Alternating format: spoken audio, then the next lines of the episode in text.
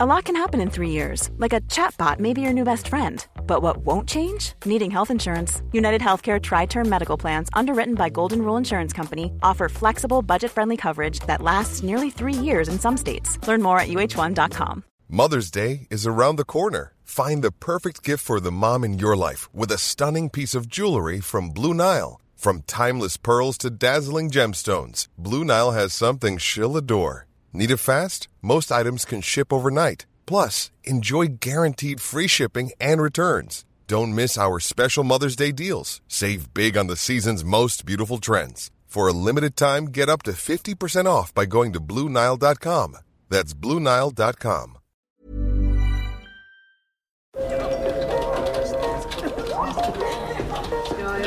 Dette er lyden av norsk næringsliv.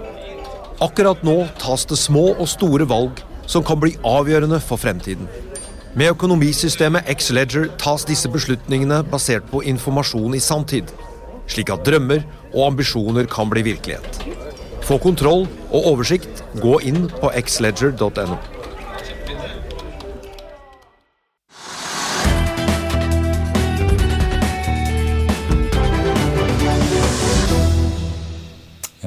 riktig god jul alle sammen, og velkommen til denne julesendingen her hos oss i Finansavisen. I år som i fjor så har vi invitert folk fra ulike bransjer og deler av næringslivet for både å oppsummere året som ligger bak oss, få litt nye perspektiver og forsøke å se inn i krystallkulen for 2023.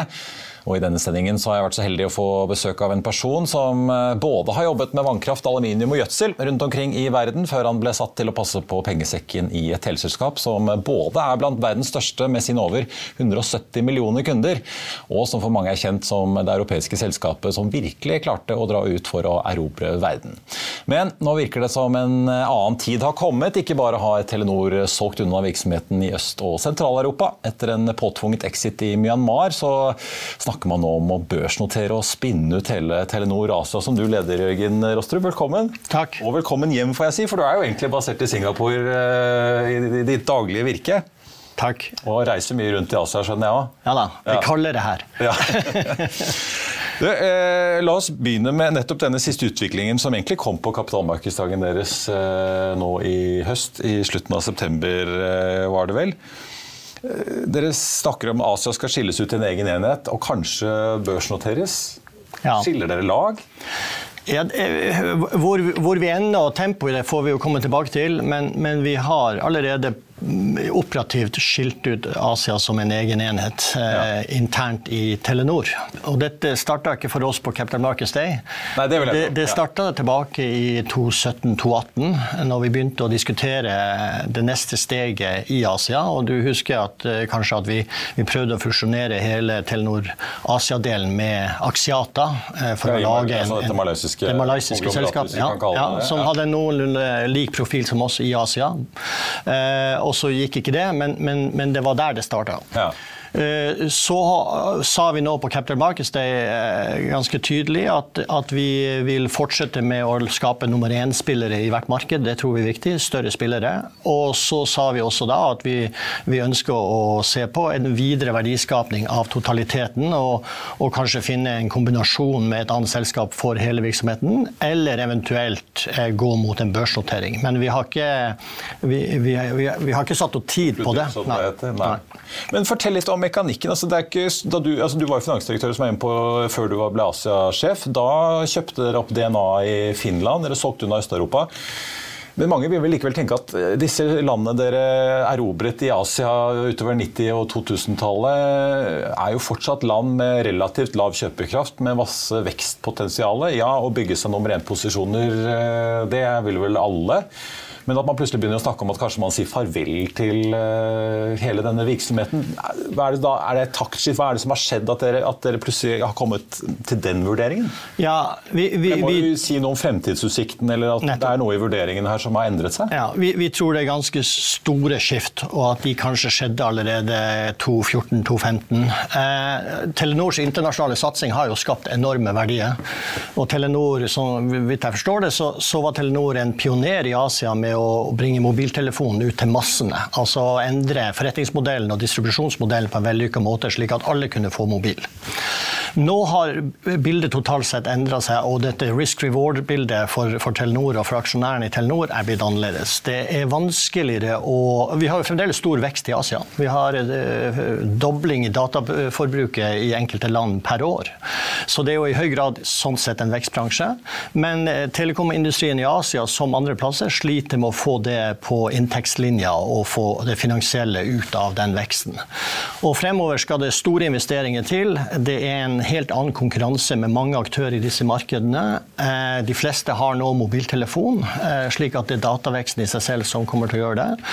Og vi må ha enheter da og være i settinger som gjør at vi kan drive så effektivt som mulig, og samtidig være en, en sterk aktør i digitaliseringen av disse markedene. Så det er jo ikke det at det ikke mangler muligheter for vekst fremover, men vi tror det krever en annen type eh, selskap og en større eh, selskap for å få det til. Men eh, Hva spiller på en måte investorperspektivet inn i det her, og verdsettelsen dere får på børs? Jeg kan jo dra to paralleller. da. Du ser General Electric i USA var jo et sånt gigakonglomerat. Og så har de jo på en måte blitt nedskalert og spunnet ut masse virksomheter. Nå skal de til og med dele seg i tre med liksom helse og luftfart og, og fornybar energi eh, nå, det kommende året. Så ser vi liksom diskusjoner rundt Equinor, eh, som både driver med olje og gass og fornybar, mener at det er veldig lurt. Men det er jo kritikere som mener at dette burde vært delt opp, for du får en veldig forskjellig prising. Spiller det inn på dere òg, at det er eh, noen investorer har lyst til å investere i Telekom i, i, Norden, andre har lyst til å investere i Asia i større grad enn før? Ja, ja altså eierens eh, signaler til oss og, stor eier, Nei, men vi, vi, har jo et liksom. aksjonærfellesskap, eh, og det er klart at, at, preferansene der spiller en rolle. For ti år siden så fikk jo Telenor en, en, en veldig sterk feedback fra, fra, markedet om at en solid nordisk virksomhet med en vekstmaskin på toppen var veldig attraktivt. Og håndterte det veldig godt. Men der fikk man jo også eh, inntektseffekten og resultateffekten av den veksten. Eh, nå er nok investoren eh, mer tilbakeholden med det og ønsker å bestemme selv og ønsker en renere europeisk aksje. Så det er klart at det ligger også i, i vår tenkning, den vurderinga fra, fra, investor. Men, men, men, hovedsaken her er ikke at vi har bestemt oss for å trekke oss ut av Asia. Det, det har vi på ingen måte bestemt. Men vi har, vi har sagt at det er viktig å bygge større eh, enheter. Det er store investeringer i 5G eh, og i digitalisering generelt. Eh, Internet of Things som skal gjøres fremover. Det er, et, et, et, det er mange aktører i markedet. Og vi har også behov for i større grad å jobbe med både regionale, men også internasjonale partnere. Og da tror vi at størrelse er viktig. Og det ser vi allerede i responsen på det vi nå har gjort i Malaysia. Hva, hva, mister dere hvis dere skulle altså ja, Juridisk internt skjønner jeg at dere har delt opp, men likevel, dere er jo ett Telenor. Dere har jo en enorm innkjøpsmakt. Eh, dere har store investeringer i 5G i, i Norden. Også mange av disse prosessene og samarbeid opp mot Google og store utenlandske mm. tech-selskaper er jo også den samme. Mm. Og antar at mobilbrukerne i Bangkok egentlig kanskje ikke er så forskjellige fra den norske lenger. Begge løper rundt med hver sin iPhone og, og bruker mye data. Mister dere ja, la oss ta den skalafordelen dere også tross alt har hatt. Jeg husker jo Sigve Brekke, konsernsjefen Telenor, har jo snakket om felles innkjøp fra ditt kontor i Singapore som en, en viktig liksom, ja. brikke. blikk. Så la oss ta de to faktorene du peker på. Først innkjøp. Eh, vi tror for det første at synergiene og de positive effektene fra mergerne som vi jobber med i Thailand og i Malaysia, er større enn en synergieffektene fra innkjøp, hvis du ser på de ulike delene av Telenor. Men så er jo poenget at Eh, det forhindrer oss jo ikke å prøve å jobbe videre med å utvikle innkjøpssynergiene inn i de nye selskapene.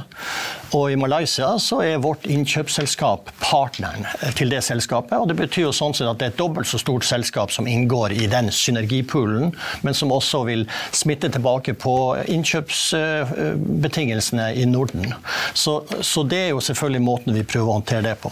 Den andre du sier, det er jo kompetanse og innsikt. Og, og, og vårt sterke perspektiv er jo at vi skal være, være en aktiv eier. Eh, vi har en stor eierandel i dette. Vi har klare avtaler med våre partnere i Malaysia om hvordan vi skal utøve eierskapet. Vi har en felles ståsted på det. Og der kommer jo 5G-kompetanse og annen type kompetanse til å, til å, følge inn i selskapet, men i en litt annen eiermodell. Mm. Nå har jo mange fulgt med på, på det ganske tragiske utfallet av uh, Myanmar. Ja. Eh, for noen år siden var det jo India. Det var jo mer en sånn økonomisk Også noen juridiske floker der, men det var jo på en måte mer en sånn kommersiell uh, prosess som, som, ikke ble noe suksess. Men i Myanmar gikk det jo veldig bra. Dere og, og Oredo som kom inn, ga jo på en måte mobiltelefoner til folket. Mm. Før det da ble militærkupp og dere omtrent var ikke langt unna å bli kastet uh, ut av landet. Men det at ja, det vokser, men det er ikke så mye vekst som det var for 10-15 år siden, kombinert med politisk risiko. Er, det, altså er, det, er politisk risiko i Asia økt i kalkylen deres her som en en del av det, eller var liksom Myanmar en sånn one-off? Nei, altså For det første så, så, så, er Myanmar, og var Myanmar i det siste året, det, noe av det, det tyngste jeg har jobba med i min karriere. Eh, og mest komplekse. Og det går for, for, meg og for et svært team som jobber med det. Så det var veldig trist for oss. Og, og vi prøvde alt annet, men det var ikke noe alternativ. Men jeg tror det er en, en nokså nok kraftfull, men allikevel en, en, et element som, som, eh, som peker på en, et økt risikobilde og en økt volatilitet i Asia. Og det inngår i det som vi tenker rundt risk reward. Det er altså ikke bare flere aktører i markedet og at alle har fått mobiltelefon. Det er også at eh, regulator eh, opptrer eh, med en stadig tøffere hånd. Dette er nasjoner som har økonomiske utfordringer. Du har valutadevalueringer. Du har nyvalg stadig vekk osv. osv. Vi så det vi ser jo det også i Pakistan, at, at, at det totale handlingsmiljøet vårt eh, blir, blir, vanskeligere. Eh, og hvis du da ikke får en, en, en høy vekst på topplinja, eh, så er du altså i den situasjonen som vi føler vi at vi må, at vi må vurdere dette. Ja. Vi må, skal vi gå litt uh, land for land? Uh, vi har, vi har tidligere snakket om uh, Myanmar, så vi trenger ikke å altså Det kapittelet er på en måte lukket. Ja. det ble jo som det ble. Eh, India som var inne på, det trakk dere dere også ut. Eh, så er da Malaysia-fusjonen nå i boks. Det ble jo annonsert for ikke så veldig lenge siden. Bare kort om den. altså et enormt selskap, egentlig. Det føles som det har gått litt under radaren folk, men altså 20 millioner kunder. Men det er jo en milliardtransaksjon med mange nuller? Ja da. Det er, en, det er et enormt uh, det selskap. Tech-selskapet på børsen i Malaysia? Det blir uh, det største tech-selskapet og en av de aller største uh, selskapene i, i Malaysia. Uh, det ville være et, et topp ti-selskap i, i, Norge. det er synergier på, på 20 milliarder norske kroner her på bordet. og en en børsverdi på ja, godt, over, godt, over, 100 milliarder. Så det, det, er en stor, det er en stor fusjon. Men dette vil jo også være et selskap som, eh, som vil være stor i regionen, som blir en, en, aktør som eh, alle må forholde seg til. Leverandører og, og, og globale eh, IT-partnere og digitaliseringspartnere osv. Og så har vi brukt et, et år pluss på å forberede denne dag én og, og det første året. Og nå, nå jobber vi fra styre og, og management med å sette sammen selskapet og ta ut synergier. Mm. Vil du bli oppdatert på det viktigste som har skjedd innen finans og næringsliv? Da er det bare å følge med, for hver morgen er jeg, Marius Lorentzen og aksjekommentator Karl Johan Malnes på plass i studio for å ta tempen på dagens marked i Børsmorgen. Og hver ettermiddag oppsummerer vi alt du trenger å vite i økonominyhetene, og det blir selvfølgelig masse interessante gjester. Klikk deg inn på fa.no-tv, eller søk opp Børsmorgen og Økonominyhetene der du hører på podkast.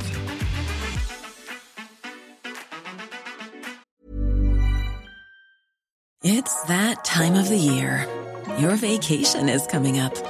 You can already hear the beach waves, feel the warm breeze, relax, and think about work. You really, really want it all to work out while you're away. Monday.com gives you and the team that peace of mind. When all work is on one platform and everyone's in sync, things just flow wherever you are. Tap the banner to go to Monday.com.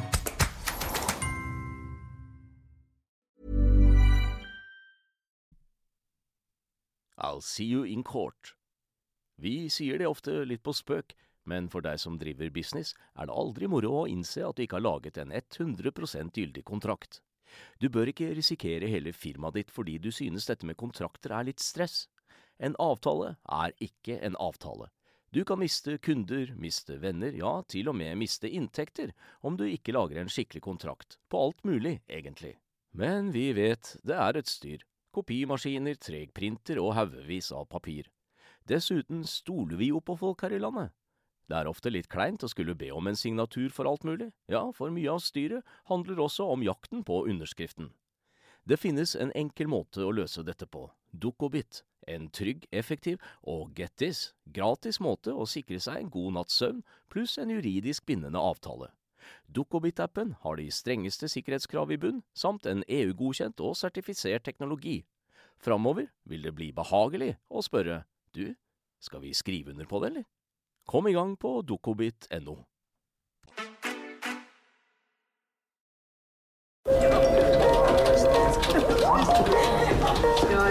Dette er lyden av norsk næringsliv. Akkurat nå tas det små og store valg som kan bli avgjørende for fremtiden. Med økonomisystemet X-Leger tas disse beslutningene basert på informasjon i sanntid, slik at drømmer og ambisjoner kan bli virkelighet. Få kontroll og oversikt, gå inn på xledger.no. Jeg så litt på tallene på den transaksjonen. eh, fordi at fra Asia så kan jo dere levere veldig mye av disse synergiene og på en måte verdirealiseringene inn til Telenor, i hvert fall hvis uh, Tone Bakke skal levere på utbyttelovnadene hun har kommet med. Uh, så så jeg at dere får jo da et beløp da tilsvarende 400 millioner dollar ut av dette her. Men jeg ser jo at altså, Axiata sin utbetaling ser ut til å ha økt med fra en 470 til 560 millioner dollar omtrent. Ja, det, det, Du tenker på den, den, den, mekanismen for å få til closingen og ja. like eierandelen. Ja, det er rett og slett bare hvordan balansen i de to selskapene har utvikla seg fra det punktet vi Fra dere ja, så det, Transaksjonen verdimessig er akkurat den samme slik den, slik den var. Ja. Ja, det er ikke sånn at dette ble dyrere sånn sett for eh, Overhodet ikke. Overhodet ikke. Det er samme transaksjon. Vi var veldig fornøyd med bytteforholdet, eh, og det er vi fremdeles. I Thailand da, så er dere også godt i gang. Venter på de siste klareringene for å slå sammen eh, D-tak? Ja, det, det, er jo en enda større fusjon. og Det er den største børs-til-børs-fusjonen på tvers av industrier i Thailand ever. Mm. Og det er den største telco-transaksjonen i, i, i Sørøst-Asia ever. Så det, vært, det, er spennende å jobbe med begge samtidig. Det er, jo, det er, jo, en full agenda, men på annen side så lærer man ting, og, og man skjønner mer av, av, dynamikken og sånn, så det har vært eh, spennende. Eh, vi tror at vi skal klare å close den eh, i første halvår. Eh, håper på første kvartal eh, neste år. Og begge disse landene har jo vært altså ARPUN, som det så fint kalles i bransjen, altså inntjeningen per kunde i snitt, eh, har jo vært under eh, press. Ja.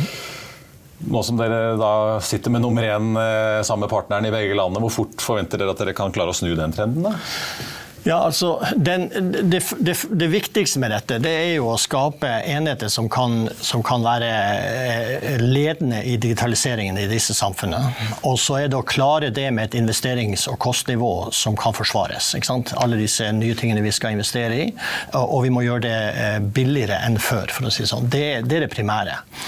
Og så uh, finnes det jo masse mekanismer i disse landene for å regulere prisnivåene og sånn fra regulators side. Så, så vi har har ikke satt noen ambisjon på en høyere, en høyere, prising av våre produkter. Det får vi liksom ta litt etter hvert. Og, og for oss er det nok mer viktig å, å være god til å upselle nye services, sånn at vi kan eh, dermed eh, forvente en høyere inntjening per kunde. Men, men, men, vi har ikke lagt noe vekt på at konsolideringen i seg selv skal bidra til økte priser i markedet. Og det, det er jo viktig selvfølgelig for regulatoren som, eh, som skal godkjenne dette, at ikke vi har lagt det til grunn. Ja, jeg antar de ikke ønsker at dere skal snu dere rundt og flå kundene på dag to? Det, det gjør de ikke. Nei.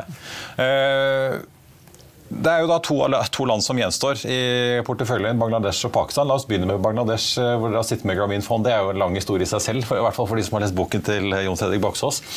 Eh, men hva kan skje der, da? Dere, for der er dere jo størst. Ja. ja så Blir dere da bare sittende, eller noen, kan vi se noe skje der? Nei, altså Det, det er ikke en dag vi bare blir sittende. Nei, det... Jeg skal love deg, jeg sitter ikke en dag. Men, eh, men eh, vi har 80 millioner kunder i, i Bangladesh. Et svært selskap. Og, det morsomme med Bangladesh er jo at det er et selskap av en internasjonal kvalitet. Mm. Så det er, et, det er et flott selskap i, i et krevende marked marked og, og land å drive business. Eh, og vi har, en, vi har, en, god inntjening på det selskapet. Høy avkastning på det selskapet. Så, så, der er det mer å utvikle det selskapet i takt med det det bangladeshiske markedet kan tåle av digitalisering og nye tjenester og sånne ting. Det er hovedagendaen, og så drive det så effektivt eh, som mulig. Og jeg tror jo Eh, alltid at det er mulig å drive mer effektivt enn før. Men vi snakker ikke om strukturelle ting. Nei, ikke sant. Nei, for Jeg så dere hadde lansert 5G der i år, men uh, ja da, vi, vi i og med at det er nummer én, så blir det ikke noe M&A med det første, kanskje? Nei, vi, Nei. Vi, vi, har en sånn markedsandel at det er ikke, det er ikke formålstjenlig. Så har vi Pakistan. Altså, mange har sett det hadde jo en helt forferdelig flom eh, tidligere i år. Men uh, de har jo også slitt veldig i den globale energikrisen. Uh, ettersom Europa har snappet opp mange frakter med flytende naturgass, så har jo dere, altså de, de, har jo måttet betale helt ville priser for å få tak i LNG til sin egen befolkning i år. Dere gjorde en nedskrivning i sommer på 2,5 milliarder, hvor det var egentlig ganske mange faktorer. Men det, det virket som også det var den generelle måte, økonomiske utviklingen i Pakistan som gjorde at dere skrev ned verdiene? Ja, altså du, du nevner jo to eksempler, og det, det, er jo viktige hendelser i øyeblikksbildet. Men, men, men vår, vår, betraktning er jo mer basert på, på, en langsiktig utvikling som vi har sett. Eh, eh, vi har et veldig bra selskap i, i Pakistan, eh, et effektivt selskap. Men, men i flere år har, har, har, det vært vanskelig å drive der. Det, det er en, en kontinuerlig svekkelse av, av, valuta, som jo er et problem. fordi vi, vi investerer både i lisenser og i utstyr i dollar, og så har vi en inntjening i lokal valuta. Så, så du havner hele tida i en skvis. Eh, så er det selvfølgelig skatt, skattejakten på inntektene for myndighetene som, som stadig vekk trappes opp. og sånn, Så vi, vi syns at det er vanskelig å operere eh, og få en god avkastning i Pakistan. og Derfor så skrev vi ned verdiene, for det måtte vi. Og så ser vi etter eh, løsninger for en, en bedre måte å drive det på fremover. Det, det kan være noe vi, vi, gjør selv med å drive enda mer effektivt. Men vi har heller ikke utelukka at, at, vi eh, kan se etter partnere. Ja, for dere, Myndighetene krever dere jo nå for nesten 5 milliarder for eh, mobillisenser i 900-1800-båndet. Dere mener dere skal betale 3,2, så der er det jo en liten milliardklager. Er det en del sånne regulator... Altså, må dette og andre ting på en måte løses og avklares, sånn at uh, det er en mer forutsigbar drift før dere får noen andre til å inngå et partnerskap eller en, en transaksjon her? Nei, altså det, det, det, tror vi ikke. Vi tror ikke det, det vil jo være en, en diskusjon om, om uh, ulike måter å se risikoen ved det på. Så, så, så det, er ikke no, det er ikke noen milepæler vi må gjennom før vi kan fortsette vårt arbeid. Vi Nei. jobber med dette kontinuerlig. Men det er klart, transaksjon i Asia, inklusiv inklusiv de to vi nå gjør i Sørøst-Asia, er ekstremt krevende å få til. Eh, det krever stort nærvær, det krever stor forståelse av selvfølgelig motpart, men også av de regulatoriske forholdene. Og, og, og eh, det, det, er kanskje ikke dette markedet og disse aktørene som er mest vant til å tenke strukturelt. Jeg tror nok Telenor vi ligger litt i forkant eh, i Asia i å tenke strukturelt og, og tenke på hvordan vi skal gjennomføre denne type eh, prosjekt og sånt. Så, så disse tingene tar tid. Eh, og det er viktige ting for nasjonene, det er viktige ting for, eh, for regulatorer å forholde seg til. og Derfor så tar disse tingene tid. Men gitt den usikkerheten som er der og den nedstringingen dere har gjort i Pakistan, er det vel så sannsynlig, eller vurderer dere vel så mye en, en exit fra Pakistan som en fusjon som dere har gjort i Malaysia og Thailand? Ja, vi, er på en måte alt på bordet, eller?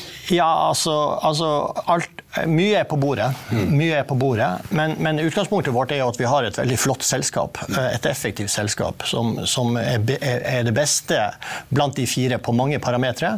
Og så har Telenor de siste årene vært mye mer eh, stringent i å investere i bl.a. nytt spektrum, fordi at vi mener at det, det, de vilkårene som er satt, så får ikke vi avkastning på det.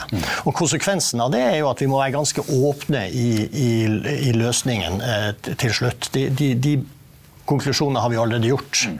Eh, og så må vi se hva vi får til. Men, men det er jo ikke sånn at vi, vi, vi, låser døra og går. Vi har masse kunder. Ja, ja, og, og, vi skal, og, vi skal klare, og vi skal klare å drive dette med positiv cashflow, men, men vi, vi, har nok ikke I risikobildet du beskriver, så tenkte jeg hvis noen kommer med en sjekk, eh, en eller annen industriell aktør eller finansiell aktør i Asia, som sier at her har du lyst til å selge hele butikken. Nå, nå, under reviewen så vil jeg ikke utelukke noen ting, men, men, vi vil gjøre det som er mest verdiskapende for Telenor. og samtidig ta vare på, på det flotte selskapet vi har.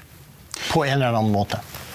Til slutt, så, mens jeg har det her, jeg si, så må jeg nesten høre, høre om dine perspektiver litt på, på, regionen. I og med at du tross alt er basert i Asia, reiser mye rundt, er i kontakt med veldig mange både politiske og næringslivsledere i regionen. I høst har vi snakket og fulgt mye med på utviklingen i Kina med koronarestriksjoner. Gjennom pandemien så har jo eh, turisme, bortfall av roaming, vært noe som har rammet dere og de lokale økonomiene, særlig da i Thailand, eh, veldig hardt. Så har vi sett at mange av landene har hatt mye nedstenginger og egentlig mange problemer som igjen har rammet deres retail-salg på gaten av kontantkort og mye annet eh, de siste par årene. Og det har vart egentlig ganske lenge. Det virker som det egentlig har pågått godt ut i år. Gi oss en litt sånn situasjonsrapport fra bakken. Eh, hvordan ser det ut i de ulike landene? nå? Er det noen som, andre enn Kina som ikke har åpnet helt opp igjen? Nei, ikke, Kina er spesielt. Ja. Kina er veldig spesielt. Uh, og, og jeg, vil si at siden i vår Eh, tidlig vår, eh, så, så, har eh, landene åpnet opp. Og så er folk fremdeles forsiktige. Det er høy disiplin, selv om ikke det er på, påbudt, så er det høy disiplin på å bruke, holde avstand og bruke masker og sånne ting. Så folk er veldig forsiktige. Men det har åpna opp, og det er stigende aktivitet. Jeg ser det i Bangkok hver, gang, hver uke jeg er der, så ser jeg at at det sviver fortere. Men det er klart, Kina med sin forretningsvirksomhet og ikke minst turisme til disse landene har fremdeles en stor impact på tempoet tempoet i den utviklinga. Og så ble jo covid-fasen på en måte eh, Det som kom inn istedenfor covid, var jo det som har skjedd internasjonalt. Eh, med økt inflasjon og med altså, prisene opp, energikrisen eh, og, og egentlig logistikkrisen som vi har sett. Og det har hatt en, en, en ny effekt og en, en dratt ut liksom, recovery-tempoet i, i, disse markedene. Det ser vi veldig tydelig. Altså det er litt laber økonomisk aktivitet? Ja, altså det, det, er min, det, er mindre økonomisk aktivitet, og ting er dyrere. og det er klart at Når du har 30 eh, økning i energiprisene i Pakistan, og du har 20 eh, kanskje prosent i en del av de andre landene, så, så har det en stor eh, konsekvens. Så, så vi ser det. Men, men, men mye av, av, av, tempoet er jo tilbake, og, og, og våre operasjoner går nå som normalt. Mm. Når dere ser, jeg antar dere sitter og måler mye forbrukeratferd og mye for å få en idé om hvor, hvordan deres egne butikk går. Hvordan ser, Hvis dere ser liksom på asiatiske forbrukere, er begynner de å stramme inn, som vi ser en del nordmenn gjøre eh, med økende kostnader. Og, altså vi ser jo det varehandelen her hjemme, men hva ser dere på en måte på forbrukeren i Asia? Ja, Vi ser, vi ser, ikke, vi ser ikke, veldig tydelige skift. For, for vi ser jo ut av covid at, at forbruksmønsteret endrer seg litt, men at, at, at det også er, er, forbruk der vi trenger forbruket å være. Ja. Så det ser vi. Men samtidig så, så, så er det økende underskudd underskudd på, på nasjonalbudsjett og flere land som, som, strides. I Malaysia er det jo store diskusjoner på hvordan de skal finansiere eh, videre, og, og hva de skal støtte og hva de ikke skal støtte. Og, og dette går jo til slutt utover over eh, masseforbrukeren i, i markedet. Så, så vi, eh, vi, er jo forberedt på at, at, vi ikke skal inn i en ny, ny kraftig forbruksøkning fremover, men, men, men at vi må se Kina komme kommer tilbake i markedet. Det vil ha en positiv effekt. Resten... ja, for det er litt usikkert når det vil skje, men hva, hvordan tror du det vil utspille seg? Det vil eh, Nei, jeg har, jeg har, ikke noe, har ikke noe eh, sterkt sterk syn på det. Jeg har vel hele tida prøvd å, å sagt til, til, til, til, mitt team og til våre selskaper at vi, vi, må være forberedt på at, at disse tingene tar lang tid å komme tilbake med. Og, og, og nå, nå, tror vi jo at vi er nærmere det, men, men, eh, men om, om, det betyr at kineserne begynner å reise igjen, og at du får liksom turismeeffekten og, og, disse tingene på plass fort, eller, eller, det tar lengre tid, det vet jeg ikke. Jeg er, jo, jeg er jo bygd sånn at jeg vil planlegge for at det tar noe lengre tid. Mm. Og, så, og, så, får vi gjøre det vi kan eh, ellers. Vi, vi har jo gjennom hele denne fasen, inklusiv covid, klart å, å, å levere høy cashflow. Og, og har, Telenor i Asia er en av de beste aktørene på cashflow uh, og på drift. Uh, så, og det har vi benytta også denne krisa til, til, å bli ytterligere flinke på. Uh, og jeg tror vi må gjøre det, og så må vi investere i et bredere produkttilbud til kundene våre. Og det er det vi kan gjøre. Ja. Er, liksom, er vanene endret for godt? Er det mindre kontantkort og mer abonnement der borte også? Ja, det, nedstenginger ja, da, ja da, det er det. Og det, det, er en mye høyere grad av digitalt salg. ikke sant? Så, så kundene blitt mer avansert. Så over tid så, så, får jo det nå konsekvenser for det som har vært vår sterke side. Det er jo det fysiske eh, eh distribusjonskanalene. Eh, men fremdeles har vi, har vi, mange hundre tusen salgsoutlets i Asia, men vi, vi er mer og mer over på det digitale. Det er alltid fascinerende hvis man eh, kjører i Thailand og plutselig ser en blå Telenor-profil. Ja. Jørgen Rostrup, ASA-sjef i Telenor, tusen takk skal du ha for at eh, du kom innom, og god jul og godt nyttår. God jul til deg også. Følg med på i første alder hva som skjer i Thailand. Da er vi ved slutten av eh, denne sendingen, men vi har eh, flere på gang denne julen. De finner du som alltid ved å følge Økonominyhetene der du hører på podkast, eller ved å klikke deg inn på fa.no-tv. Så da håper jeg vi ses eller høres eh, snart igjen. I mellomtiden så ønsker alle vi i Finansavisen deg og dine en riktig god jul og et godt nyttår. Takk for nå.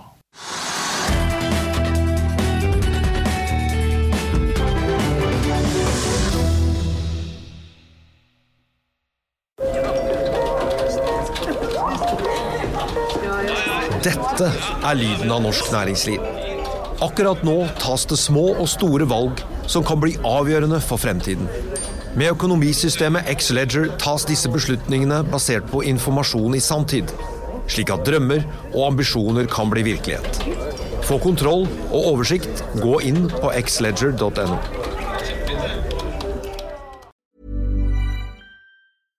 Hey, it's Paige DeSorbo from Giggly Squad. High quality fashion without the price tag. Say hello to Quince.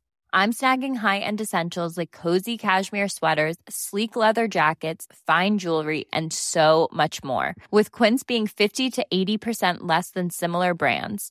And they partner with factories that prioritize safe, ethical, and responsible manufacturing. I love that. Luxury quality within reach. Go to quince.com slash style to get free shipping and 365 day returns on your next order. Quince.com slash style. Økonominyhetene er en podkast fra Finansavisen. Programledere er Marius Lorentzen, Stein Ove Haugen og Benedikte Storm Bamvik. Produsenter er Lars Brenden Skram og Bashar Johar. Og ansvarlig redaktør er Trygve Hegnar.